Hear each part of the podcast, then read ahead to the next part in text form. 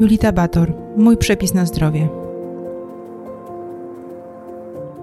Julita Bator, mój przepis na zdrowie. W dzisiejszym odcinku podcastu rozmawiam z Anną Suchińską, specjalistką osteopatii. Ręce, które leczą, tytuł podcastu to wcale nie jest przenośnia. Dowiecie się tego słuchając podcastu. Dowiecie się z niego, czym jest osteopatia, czym się zajmuje, komu pomaga. Czy mogą z niej korzystać też dzieci i kobiety w ciąży. Mówimy też o tym, jaki jest przepis na zdrowie mojej rozmówczyni.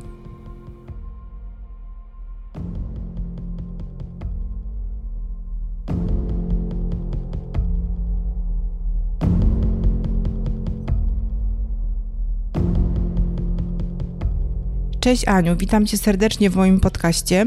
E, no cześć. Cześć, witaj, dzień dobry. E, to na początek e, trochę faktów. Co w ogóle oznacza słowo osteopatia, skąd pochodzi, kiedy powstała?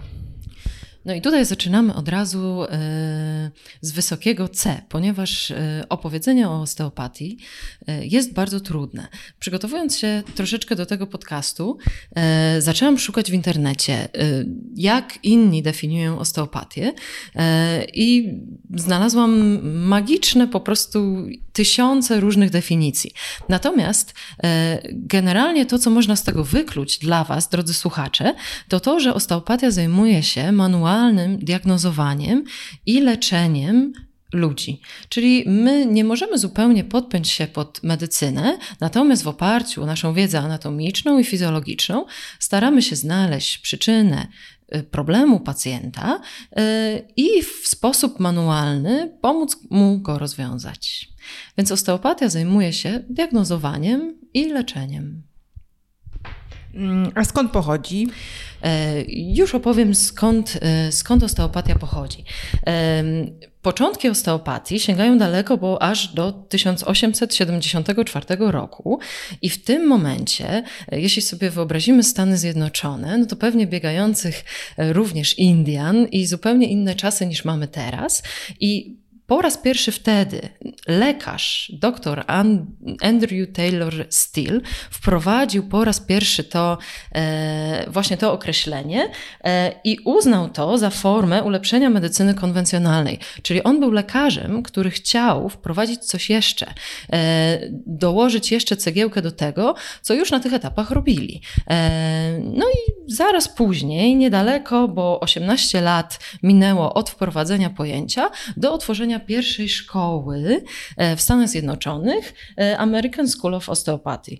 I właśnie tam zaczęli się kształcić pierwsi osteopaci.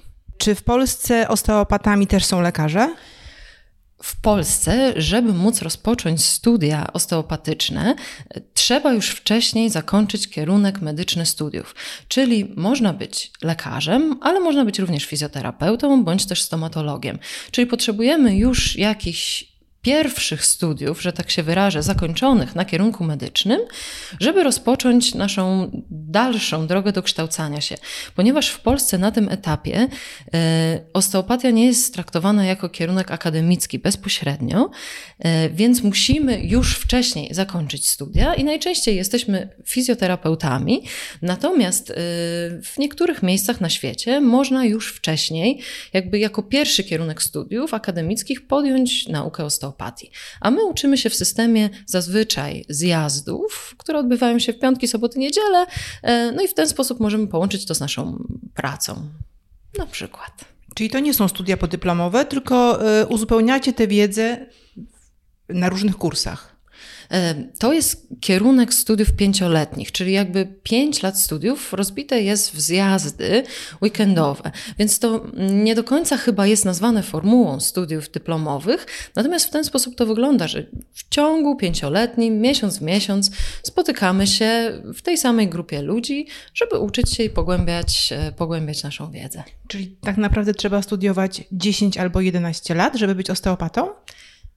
Tak, chociaż e, właśnie bycie osteopatą jest trudne do końca do określenia, bo e, tak naprawdę my musimy się uczyć cały czas. Jak skończymy szkołę, musimy się uczyć dalej. Każdego dnia każdy pacjent może być dla nas taką inspiracją do dalszej nauki, do poszukiwania jakichś nowych rozwiązań, e, więc to chyba bycie osteopatą to proces.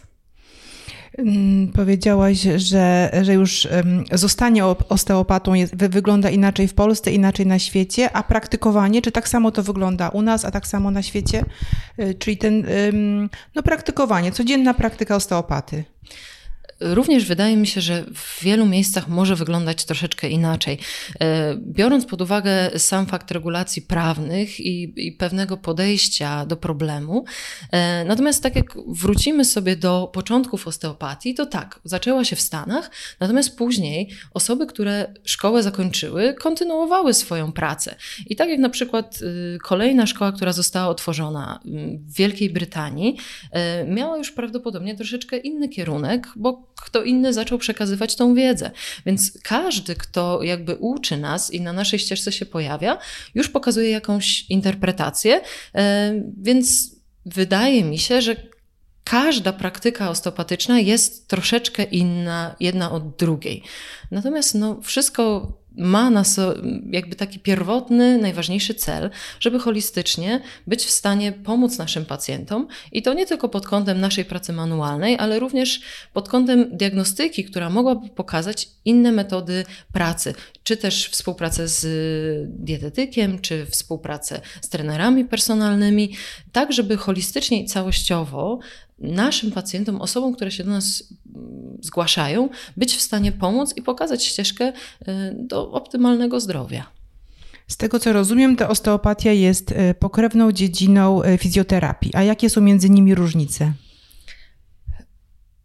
Ciężko o różnicach znów mówić, bo w obecnej chwili każdy fizjoterapeuta może również skończyć szkolenia, kursy, które zawierają w sobie elementy terapii osteopatycznej.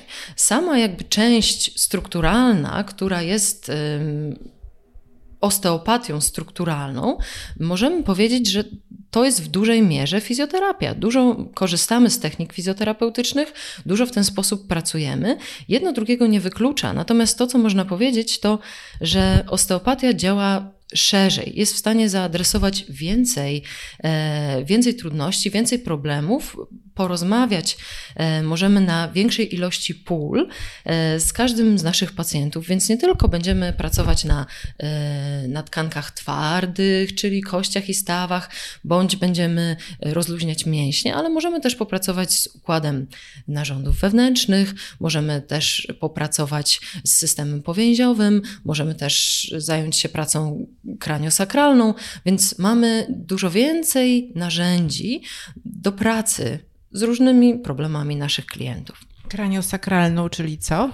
E, właśnie tutaj często pojawiają się, czy też w mediach, e, czy w różnych opracowaniach, pewne określenia y, części technik terapeutycznych.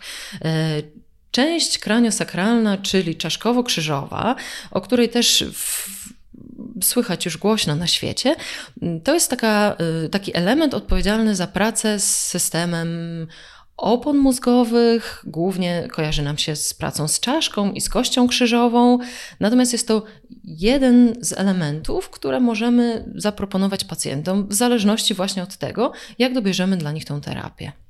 A czy można jakoś, y, a czy można jakoś podzielić y, osteopatię na różne mm, dziedziny? Można osteopatię dzielić i wydaje mi się, że dużo osób próbuje to zrobić, natomiast to, co my chcemy robić, to przede wszystkim wszystko łączyć, żeby to dla całości naszego problemu, danej sytuacji, dawało nam jak najlepsze rezultaty.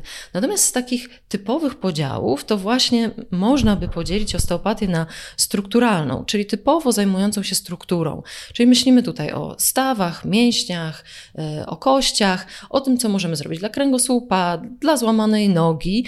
Tak stricte rzecz ujmując, możemy pomyśleć o osteopatii w kwestiach technik wisteralnych, które będą pracowały z narządami wewnętrznymi. No i tutaj głównie myślimy o osobach, które mają problemy dietetyczne, e, problemy z trawieniem, jakieś różnego rodzaju wzdęcia, bóle brzucha, niestrawności, poczucie jakichś napięć w obrębie jamy brzusznej.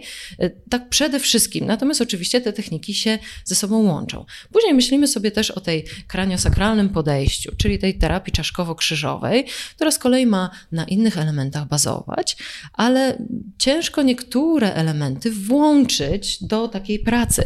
Czyli jeżeli pomyślelibyśmy sobie e, o jeszcze technikach limfatycznych, czyli pracy z przepływem limfy, o pobudzaniu drenażu u naszego pacjenta, czyli odpływu żylnego i odpływu też limfatycznego, no to to jest jakaś technika, którą trudno może zaklasyfikować. Jeśli pomyślimy sobie e, o pracy też w jakimś sensie ze stresem, no to w którym punkcie podpiąć tego typu techniki, e, no klasyfikacji sztywnej nie jestem w stanie przekazać. Natomiast to są takie główne główne, główne, główne nurty. Ja jeszcze słyszałam w kontekście osteopatii o powięziach.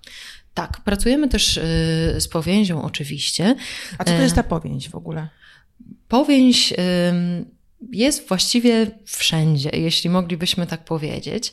E, najłatwiej ją sobie wyobrazić, myśląc o kawałku mięsa. E, jeżeli na przykład wyobrazimy sobie takiego kurczaka, no to na tym kurczaku mamy taką białą błonkę. I to jest taka najbardziej widoczna chyba dla nas powieść. Natomiast jeśli pomyślimy o samym mięśniu w sobie, no to każde włókienko mięśniowe, każdy y, jakby każde ugrupowanie włókien mięśniowych też jest powięzi. E, powięzią też jest worek otrzewnowy, w którym są wszystkie nasze narządy wewnętrzne. Jakby ta powięź też jest elementami więzadeł, bądź przechodzi w więzadła, jest jej wszędzie bardzo dużo. Więc to jest taka bardzo globalnie pojęta y, struktura, która ma masę połączeń i masę elementów, które na siebie wpływają. Więc często pracując z powięzią, pracujemy niejako z dużymi grupami elementów, które w tej powięzi się znajdują. I może to być narząd wewnętrzny, może być to mięsień, e, no i też przyczep tego mięśnia do kości, na przykład. W jakich konkretnych schorzeniach osteopatia może pomóc? I tutaj nawet przygotowałam sobie rozpiskę, żeby to wszystko Wam e, dobrze opowiedzieć. Natomiast e, taki najczęstszy pacjent, który się do nas pojawia, to jest pacjent bólowy przede wszystkim, czyli wszystkie elementy ciała, które nas bolą, my możemy adresować. I to jest pierwsza rzecz. No, ktoś pojawia się z bólem. E, natomiast właśnie kolejna sprawa to Czyli, są... Przepraszam, nie tylko mhm. kończyny, tak? To może być nawet ból głowy? Może być to ból głowy, może to być y, ból brzucha. E, no i właśnie, tutaj przechodzimy sobie od razu do elementów trawiennych, czyli wszystkie zaburzenia trawienia, coś, co y, nie daje nam komfortu, jeśli chodzi o nasz przewód pokarmowy. I tutaj też wplata się nam y, zgaga, refluks, co często też dotyka nas, e, ale też właśnie problemy e, typowo trawienne, jeśli chodzi o florę, tak jak e, SIBO i różne elementy, na przykład pracy po długiej antybiotykoterapii, ale również pracujemy z bliznami, czyli z wszelkimi pooperacyjnymi ingerencjami, ale też e, po urazach, e, po wypadkach, e, z problemami hormonalnymi pracujemy jak najbardziej. Gdy pojawiają się drętwienia, mrowienia, gdy mamy infekcję i tej, po tej infekcji chcemy dojść do pełnej sprawności, ale pracujemy również z dziećmi, z kobietami w ciąży. Także de facto osteopatia jest dla każdego, bo taką nadrzędną naszą zasadą jest to, że my szukamy w naszych pacjentach zdrowia i szukamy jego możliwości, jakby u naszego pacjenta, w jego ciele, szukamy możliwości autoregulacji, samonaprawiania i my ten proces chcemy wspomóc. Więc tak naprawdę, jeżeli wyobrazimy sobie każdy problem, nasz ból głowy, który wynika z jakiegoś dużego obciążenia w naszym ciele, bo mamy złą dietę, może mamy złą postawę, i w każdym elemencie, w którym będziemy w stanie podeprzeć nasz organizm całościowo, żeby globalnie lepiej funkcjonował, jesteśmy w stanie też częściowo zaopatrzyć ten ból głowy, chociażby. Po prostu masażem.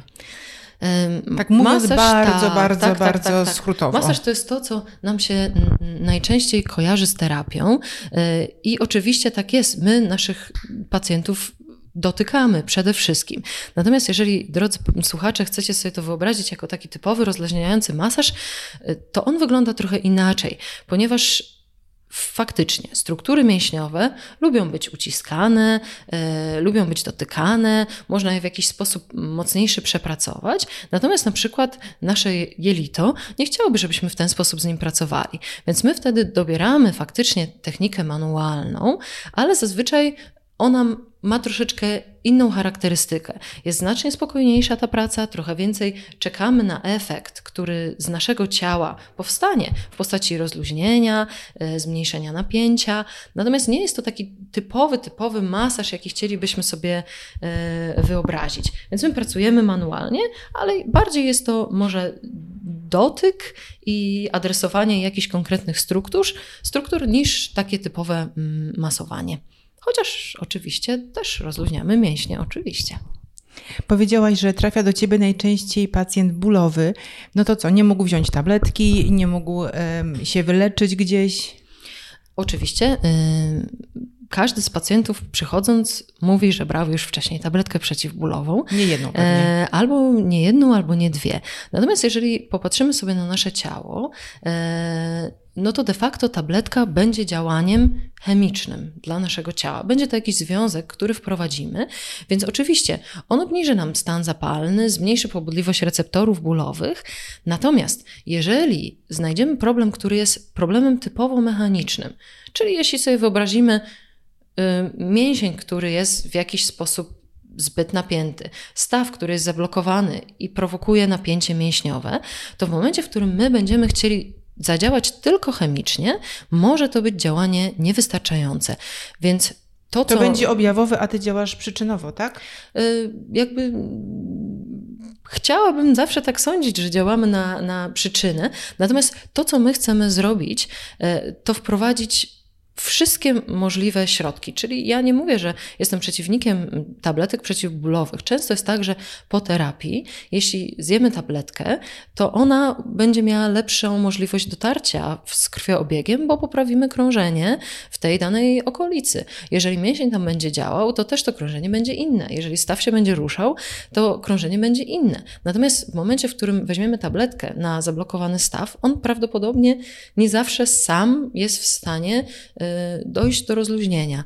Natomiast jeżeli rozluźnimy dany obszar, może się okazać, że stan zapalny zostanie z tych rejonów w pewnym stopniu naszej samoregulacji wypukany, więc tabletka może nam pomóc. E, no ale też tą drugą, ten drugi mechaniczny aspekt musimy zawsze zaopatrzyć. Mm, przychodzę do ciebie, mówię, bolą mnie krzyże, kładę się i, i co dalej się dzieje? W jaki sposób dobierasz terapię do pacjenta? Tak, w jaki sposób dobieramy? Przede wszystkim e, w czasie, w którym zaczynamy pracować i się uczymy, e, uczymy się. Uczymy się tego, pacjenta, tak? Uczymy się pacjenta, ale uczymy się przede wszystkim poczucia, co jest normalne, co jest zbalansowane. Czyli jeżeli miałabym dotknąć mięśnia w takim najprostszym przykładzie i zastanowić się, czy ten mięsień jest zbyt napięty, czy nie, to y, w procesie naszej pracy jesteśmy w stanie to ocenić, czy potrzebuje on rozluźnienia, czy nie.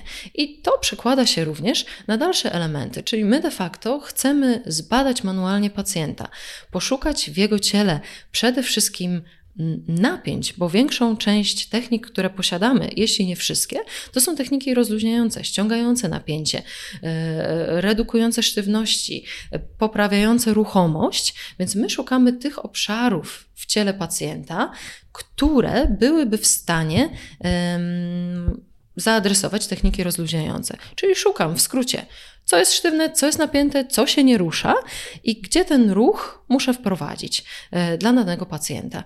No i później oczywiście e, nakładając sobie mm, wywiad pacjenta na to, co znalazłam, jestem w stanie ocenić poprzez moją wiedzę anatomiczno-fizjologiczną, czy dany wzorzec napięcia, który widzę u pacjenta, jest w stanie rezonować z jego objawami i czy jestem w stanie za pomocą tej pracy zaadresować dany problem, dany problem pacjenta. Czy jak przychodzę z bólem krzyży, to znaczy, że bolą mnie krzyże, czy niekoniecznie? To znaczy, czy, czy problem tkwi w samych krzyżach, czy to może być kolano na przykład, albo e, kostka?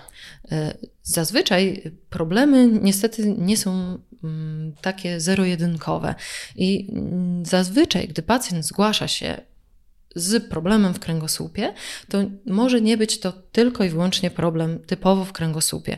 Mogą się na to nakładać narządy wewnętrzne, jakieś napięcia z kończyn oczywiście, bądź napięcia idące z góry. E, może to być ciągnąca blizna, która nie została dobrze zaopatrzona, e, może być to złe odżywianie, albo może być to jakaś forma kompensacji wcześniejszego urazu. Więc mm, stąd musimy z pacjentami naszymi rozmawiać i często pytamy o rzeczy, o które nikt ich wcześniej nie pytał, bo chcemy zobaczyć, czy jeszcze gdzieś jesteśmy w stanie znaleźć jakąś relację i bardziej całościowo podejść do tego problemu. Bo często jest tak, że pacjent zgłasza, a, bo bolą mnie kręgosłup, ale jeszcze miałam operację, ale jeszcze czasami boli mnie głowa. I jest kilka elementów tej układanki, które my jako osteopaci chcielibyśmy zawsze składać w całość, a nie mm, zajmować się tylko lokalnie tym danym punktem. Bo najczęściej to są rzeczy połączone. Zawsze to są rzeczy połączone, bo jeśli popatrzymy na ciało jako jedność, e, chociażby łatwo nam zawsze myśleć o strukturze. Jest kość, która się zaczyna tu i kończy się tam. No dobrze, ale do, do, tej kości w jakiś sposób musi dojść krążenie. E, żeby krążenie krążyło, musi pracować nasze serce, musi pracować pompa mięśniowa, muszą być zmiany ciśnień w naszym ciele. Musimy oddychać, żeby to wszystko napędzać. I jest to kaskada zmian nie tylko fizycznych, strukturalnych, ale zawsze są to też e, hormony, krążenie, e, właśnie masę, masę, masę elementów. Więc nie możemy patrzeć tylko na proces typowo fizyczny, ale też na całą biochemię, która tam się odbywa, na to, czy pacjent jest odżywiony dobrze, czy nie jest dobrze odżywiony, czy odpowiednio się nawadnia, czy nie, czy się rusza, czy się nie rusza, czy dużo siedzi, jaki ma y, styl życia, bo de facto nie tylko to, co w środku w nas się dzieje, jest dla nas ważne, ale też to środowisko, jakie nas otacza, to, co e, jemy, to, co widzimy, to, jaką energią się otaczamy, czy mamy wśród nas fajnych ludzi, czy nie, czy mamy stres w pracy, czy nie, to też często wpływa na to, w jakim stanie jest nasze ciało. Jak długo trwa terapia i od czego to zależy? Czy można skończyć terapię po jednej wizycie? Można skończyć terapię po jednej wizycie, e, można też terapię kontynuować e, przez lata. E, to wszystko de facto zależy od problemu, który chcemy zaadoptować. Tak jak chciałabym powiedzieć, że można wyleczyć wszystko, niestety mamy swoje granice i przez cały czas mojej pracy staram się uczyć pokory i podchodzić do, do ciała pacjenta e, z taką nadzieją, że jestem w stanie coś tam zmienić. Natomiast to nie zależy ode mnie. To zależy od procesów, które są w ciele, od procesów, które albo będą w stanie się uruchomić e, u naszego pacjenta, albo też nie. I są oczywiście rzeczy, których nie możemy y, przekroczyć. Jeżeli coś się wydarzyło na jakimś etapie rozwoju, na który my już nie mamy wpływu, no to niestety nie poprawię y, danej sytuacji, ale mogę na przykład kompensacje, które ciało stwarza, y, ściągać z pacjenta. Co to znaczy kompensacje? Jeżeli sobie wyobrazimy, że mamy jakiś problem pierwotny. I dla takiego prostego zobrazowania wyobraźmy sobie, że skręciliśmy sobie kostkę. Prosty przykład z życia, mm, bardzo częsty uraz, e, więc łatwo sobie to wyobrazić. No i teraz skręcona kostka e, zmienia napięcia więzadłowe, zmienia napięcia w mięśniu, zmienia też strukturę torebki stawowej, przez co staw pracuje inaczej. I możemy sobie wyobrazić, że jeżeli przez tą naszą stopę przenosimy ciężar ciała, kostka nie działa tak jak powinna, no to w prosty sposób można wyobrazić sobie, że nasze kolano też będzie pracować troszkę inaczej. Jeśli kolano, no to też może biodro. Jeśli biodro, to staw krzyżobiodrowy, a może już nierówno będzie przekazywane obciążenie na kręgosłup. I zdarza się, że po skręconej kostce pacjent zgłasza się y, z bólem dolnej części pleców.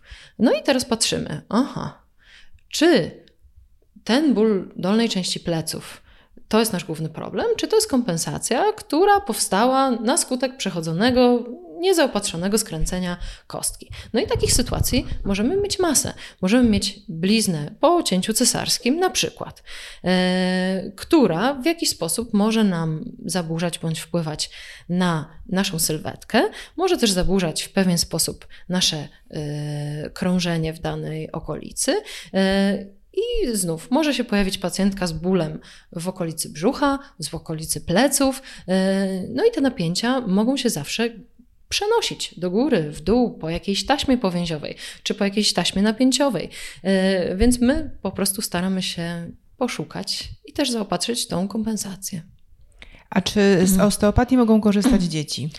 Oczywiście, że mogą e, korzystać dzieci, chociaż e, w pewnym sensie uznaję to za dosyć duże wyzwanie, bo nie wszystkie dzieci lubią leżeć przez tak długi czas.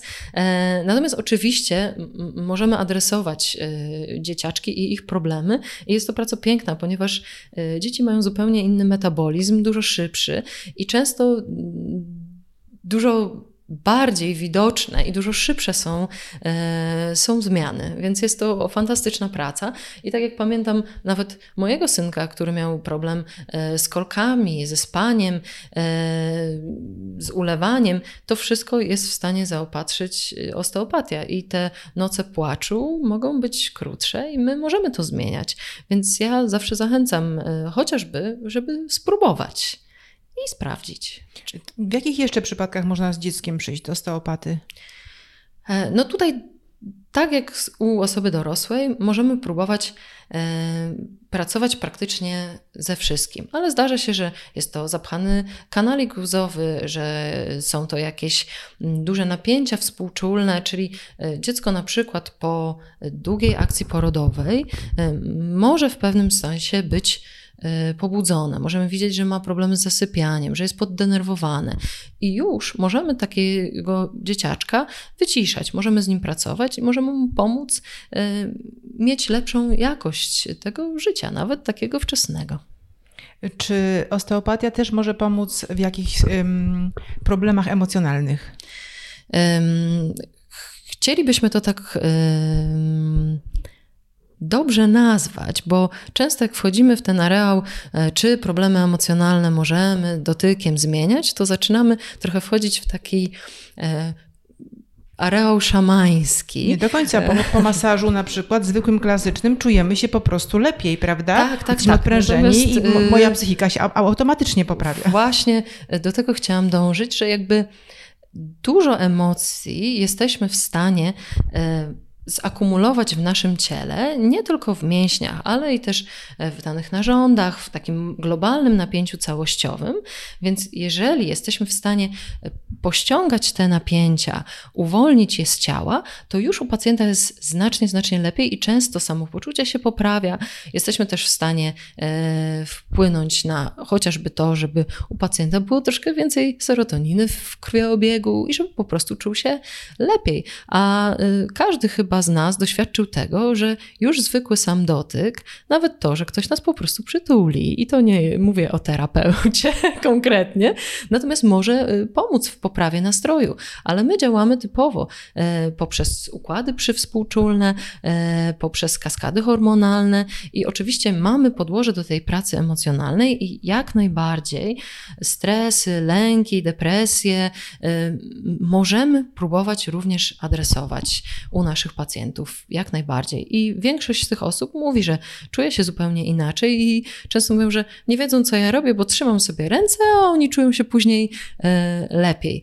Także nie wiem do końca zawsze, czy to jest e, priorytet u naszych pacjentów, co my tam do końca robimy konkretnie. Natomiast widać to na, na osobach i e, chciałam nawet kiedyś robić zdjęcia przed i po samej twarzy pacjentów, żeby zobaczyć tą różnicę w ich, w ich poczuciu, w ich komforcie. Bo ty to widzisz, tak? Przed, przed i po po prostu widzisz. Widać to i często też pacjenci piszą mi smsy po wizytach, że no dobra, kostka mnie nie boli, ale w ogóle to czuję się świetnie. E, więc widać ten, tą też pracę y, całościową wtedy, wtedy u naszych pacjentów. A przecież zależy nam na całościowym komforcie, całościowym dobrobycie i chyba nikt nie może powiedzieć, że jest w pełni zdrowy, jeżeli coś go trapi emocjonalnie.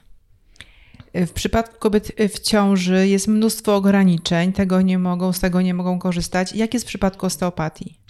E, osteopatia wydaje się tu być zabiegami idealnymi, ponieważ tak jak już wspominałam, ale może podkreślę, my korzystamy tylko z naturalnych zasobów organizmu w tym momencie. My nie wprowadzamy żadnych technik, które są siłowe, mocne, wymuszające coś. Nie korzystamy z żadnych y, mocnych narzędzi. Pracujemy rękami i y, większość osób, które korzystały z osteopatii, wiedzą, że te zabiegi raczej są delikatne.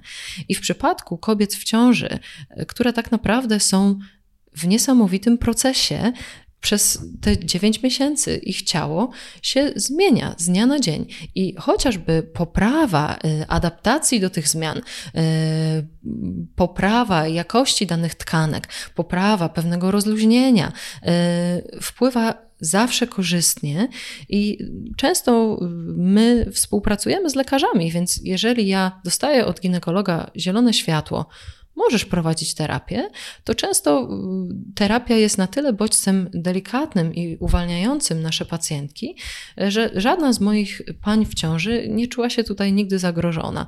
No często mówią, że bardziej się czują zagrożone, czy tu przyjadą samochodem, czy będą korki, czy się będą denerwować, niż samego już tutaj e, jakby bycia poddanym terapii. A wszystkie kwestie w stylu e, nudności, niestrawności, wymiotów, e, spania, poczucia mm, też takiego opuchnięcia. E, my możemy z tym pracować, możemy Was wspomagać. Więc jeżeli czujecie się e, na siłach i na tyle odważne, żeby e, podjąć taką terapię, to jest to chyba jeden z najbezpieczniejszych środków radzenia sobie i z bólem pleców, bo jeżeli mamy do wyboru terapeutyczny dotyk, który jest delikatny i może nam ten ból ściągnąć, a tabletkę przeciwbólową, która też jest kontrowersyjna w pewnym sensie, e, jak zadziała na dziecko, czy wszystko będzie dobrze, no to można ratować się osteopatią, jak najbardziej. Jak długo trwa jedna sesja terapeutyczna? I tutaj e, znów sesje są przeróżne. E, wiem, że są terapeuci, którzy pracują bardzo szybko i wynika to prawdopodobnie, albo jestem wręcz przekonana, że wynika to z ich doświadczenia.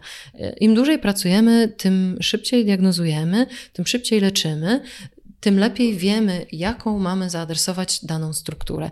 I wiem, że terapie y, są umawiane w odstępach 20-minutowych, natomiast y, ja poświęcam sobie zawsze na pacjenta y, godzinę, przy czym nie zawsze terapia godzinę trwa. W przypadku dzieci trwa często pół godziny, bo bardzo szybko następują zmiany i też dzieciaczek może nie jest w stanie przyjąć większej ilości bodźców. Natomiast ja chcę mieć pewność, że każdy proces, który rozpocznę u pacjenta, zostanie zakończony, bo y, tak jakbyśmy sobie mogli to porównać chociażby z psychoterapią, nie możemy rozgrzebać jakiegoś problemu, a potem zamknąć drzwi za pacjentem i to teraz sobie mm, poradź z tym, bo jest wszystko ok, spędziliśmy razem godzinę. Więc chciałabym mieć pewność, że ten proces, który rozpocznę, e, terapeutyczny, będę w stanie zamknąć na danej jednostce e, terapeutycznej. Więc zdarzy się tak, że kończymy po 45 minutach i jest w porządku. Natomiast czasami trwa to godzinę, czasami pół, e, ale mamy zawsze bufor czasowy, żebyście się czuli bezpiecznie. I ja też. Co możemy odczuwać podczas sesji terapeutycznej? Och, tutaj może się wydarzyć y, bardzo dużo rzeczy. E, zaczynając od tego, że pacjenci mogą nie czuć zupełnie nic e, i po prostu sobie poleżeć albo nawet zasnąć w trakcie takiej sesji. E, możemy też czuć ciepło, pulsowanie, e, tętnienie. Możemy też czuć e, jakieś takie rozlewające się ciepło. Często w ten sposób pacjenci to określają, e, ale też jest duża grupa świadomych pacjentów, którzy są w stanie wiedzieć, ewidentnie, co ja robię i w którym jestem miejscu.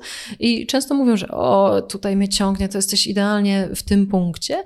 Albo często pacjenci zgłaszają, że podczas sesji terapeutycznej y, są momenty, w których czują dokładnie y, ten ból, z którym przychodzą, i na przykład ten ból się rozpływa, rozluźnia. Mają poczucie, że faktycznie następują, y, następują fizyczne, fizyczne zmiany.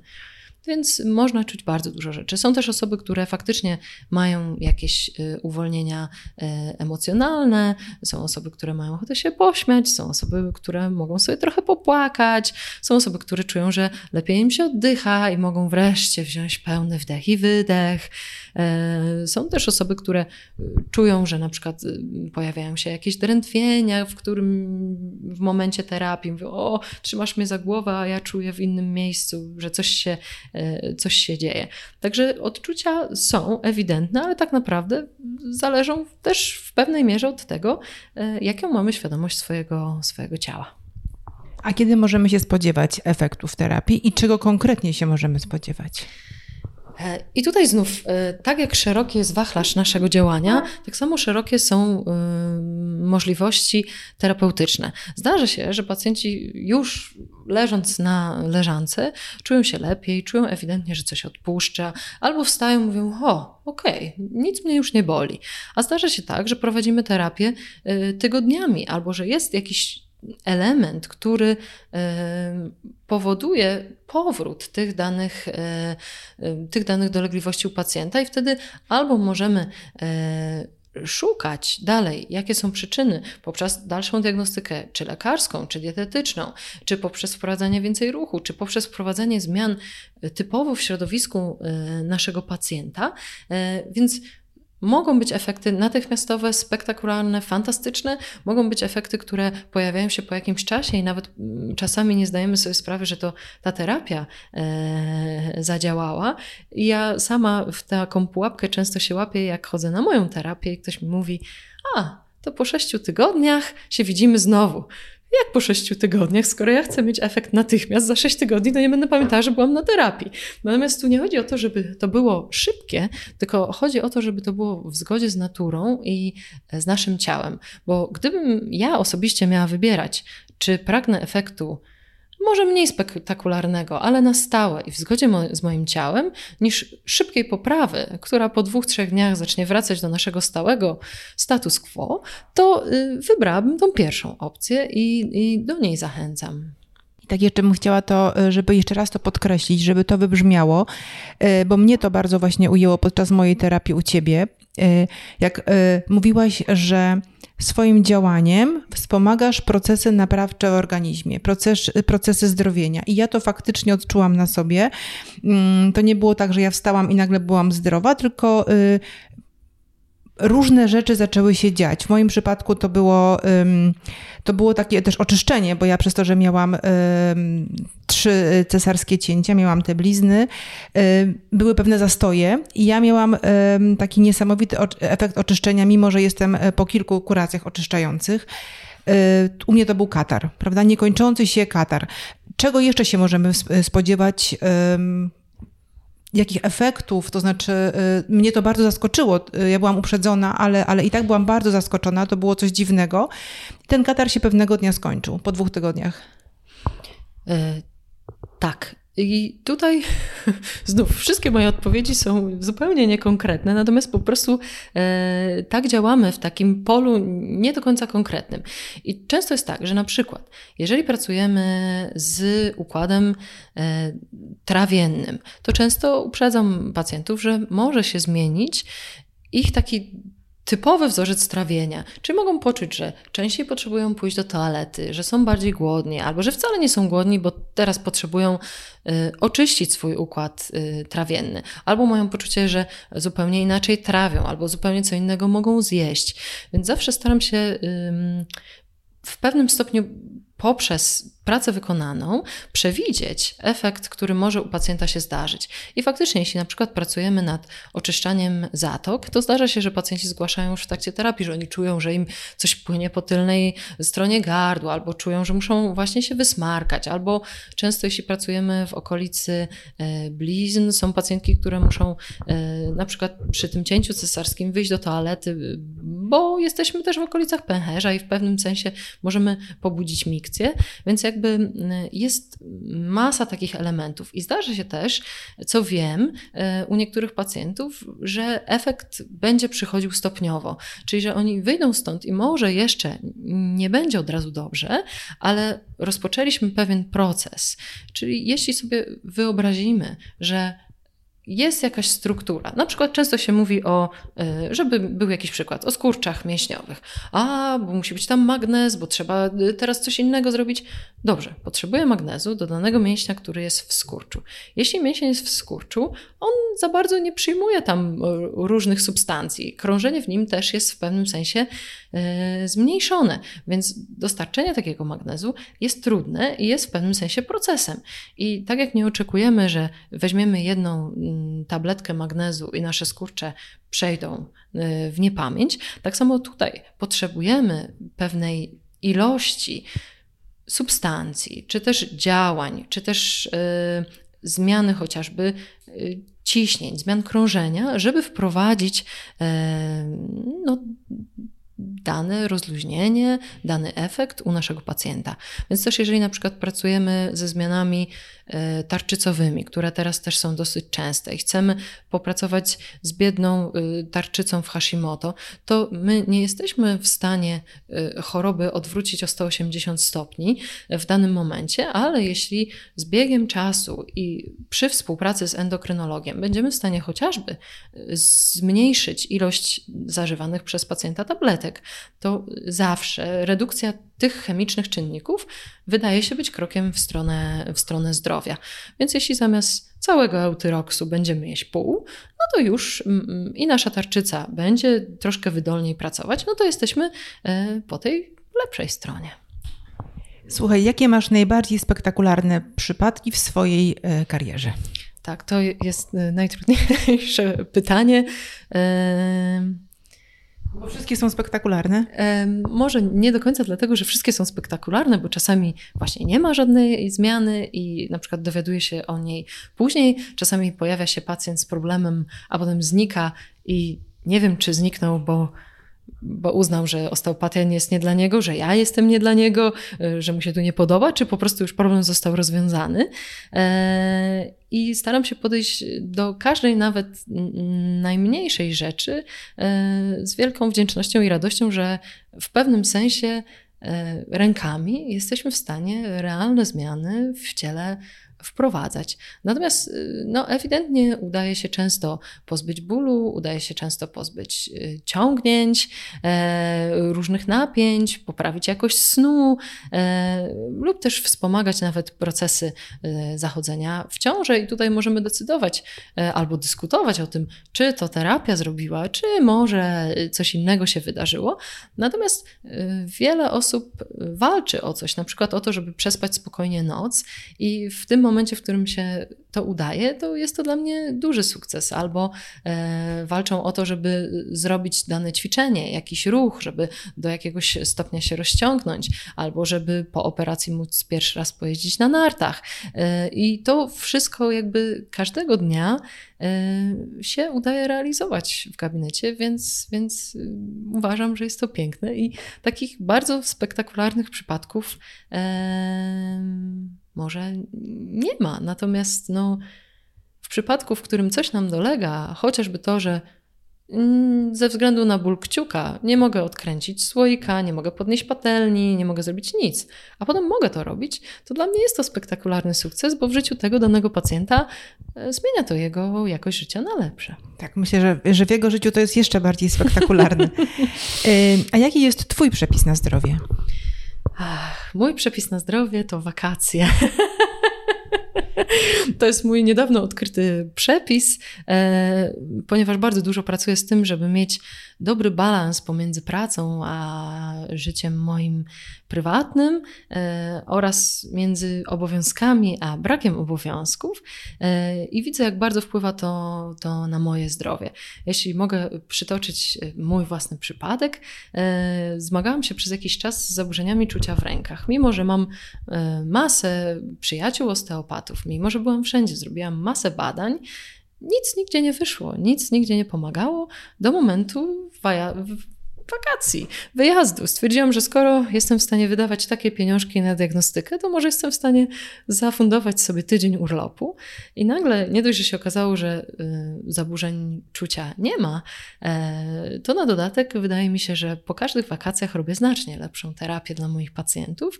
I im bardziej ja jestem sama w dobrej kondycji e, i poprzez dobre odżywianie, i poprzez y, sport, jaki uprawiamy, e, no i też poprzez właśnie relaks, wyciszenie, dobry sen, e, no to widzę, że, że to jest lepsze. A przypadek mój własny jest fajny, bo bez rąk nie mogę pracować, więc albo będę siedzieć i dumać w domu, co by tutaj zrobić, albo mogę zdecydować się odpocząć. Więc w moim przypadku to było cios poniżej pasa od mojego ciała dla samej mnie i mojej świadomości. E, natomiast, e, natomiast to działa i życzę wszystkim e, tego, żeby mieli czas dla siebie, mieli trochę fajnego jedzenia, mieli dużo fajnych przyjaciół, jak najmniej stresów, no i żeby się, żeby się wszystko w tych naszych ciałach dobrze działo. Y, odczytałaś sygnały swojego ciała, bo nam wszystkim nasze ciało coś mówi, tylko najczęściej my nie chcemy tego słuchać, bo nie mamy na to czasu. Czasami jest potem za późno. Y, czasami mamy to szczęście, trafiamy do osteopaty i nam pomaga. Y, I też powiedziałaś fajną rzecz, właśnie taką zasadę, którą ja też staram się wyznawać. Zadbaj o siebie, żebyś mógł dbać o innych potem. Oczywiście. Dziękuję Ci serdecznie za rozmowę. Dziękuję. Mam nadzieję, że będzie to miłe w słuchaniu. Jestem tego pewna.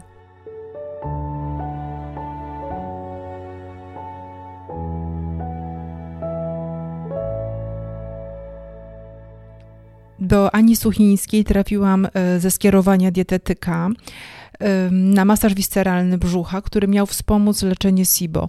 E, a to SIBO u mnie spowodowane było powikłaniami po trzech cięciach cesarskich. I to był strzał w dziesiątkę. Ja po kilkunastu latach szukania pomocy u różnych specjalistów w końcu ją znalazłam. E, dlatego dzielę się dzisiaj tym z Wami, bo ja do Ani też wysłałam e, prawie całą swoją rodzinę i kilku znajomych. I był tam taki na przykład spektakularny e, przypadek, gdy pacjentowi bólowemu pomagała tylko tabletka, oczywiście tylko na chwilę. Po terapii osteopatycznej po prostu nastąpiła jakość, zmiana jakości życia ten ból ustąpił. Także nie traćcie nadziei, szukajcie dobrych osteopatów wokół Was, e, bo osteopatia naprawdę, naprawdę pomaga e, w wielu przypadkach i to nie musi być mm, ostatni wybór. To, to naprawdę, jeżeli będziemy mieć tę wiedzę, to do osteopaty będziemy trafiać szybciej i szybciej nam będą oni pomagać. Tego Wam życzę.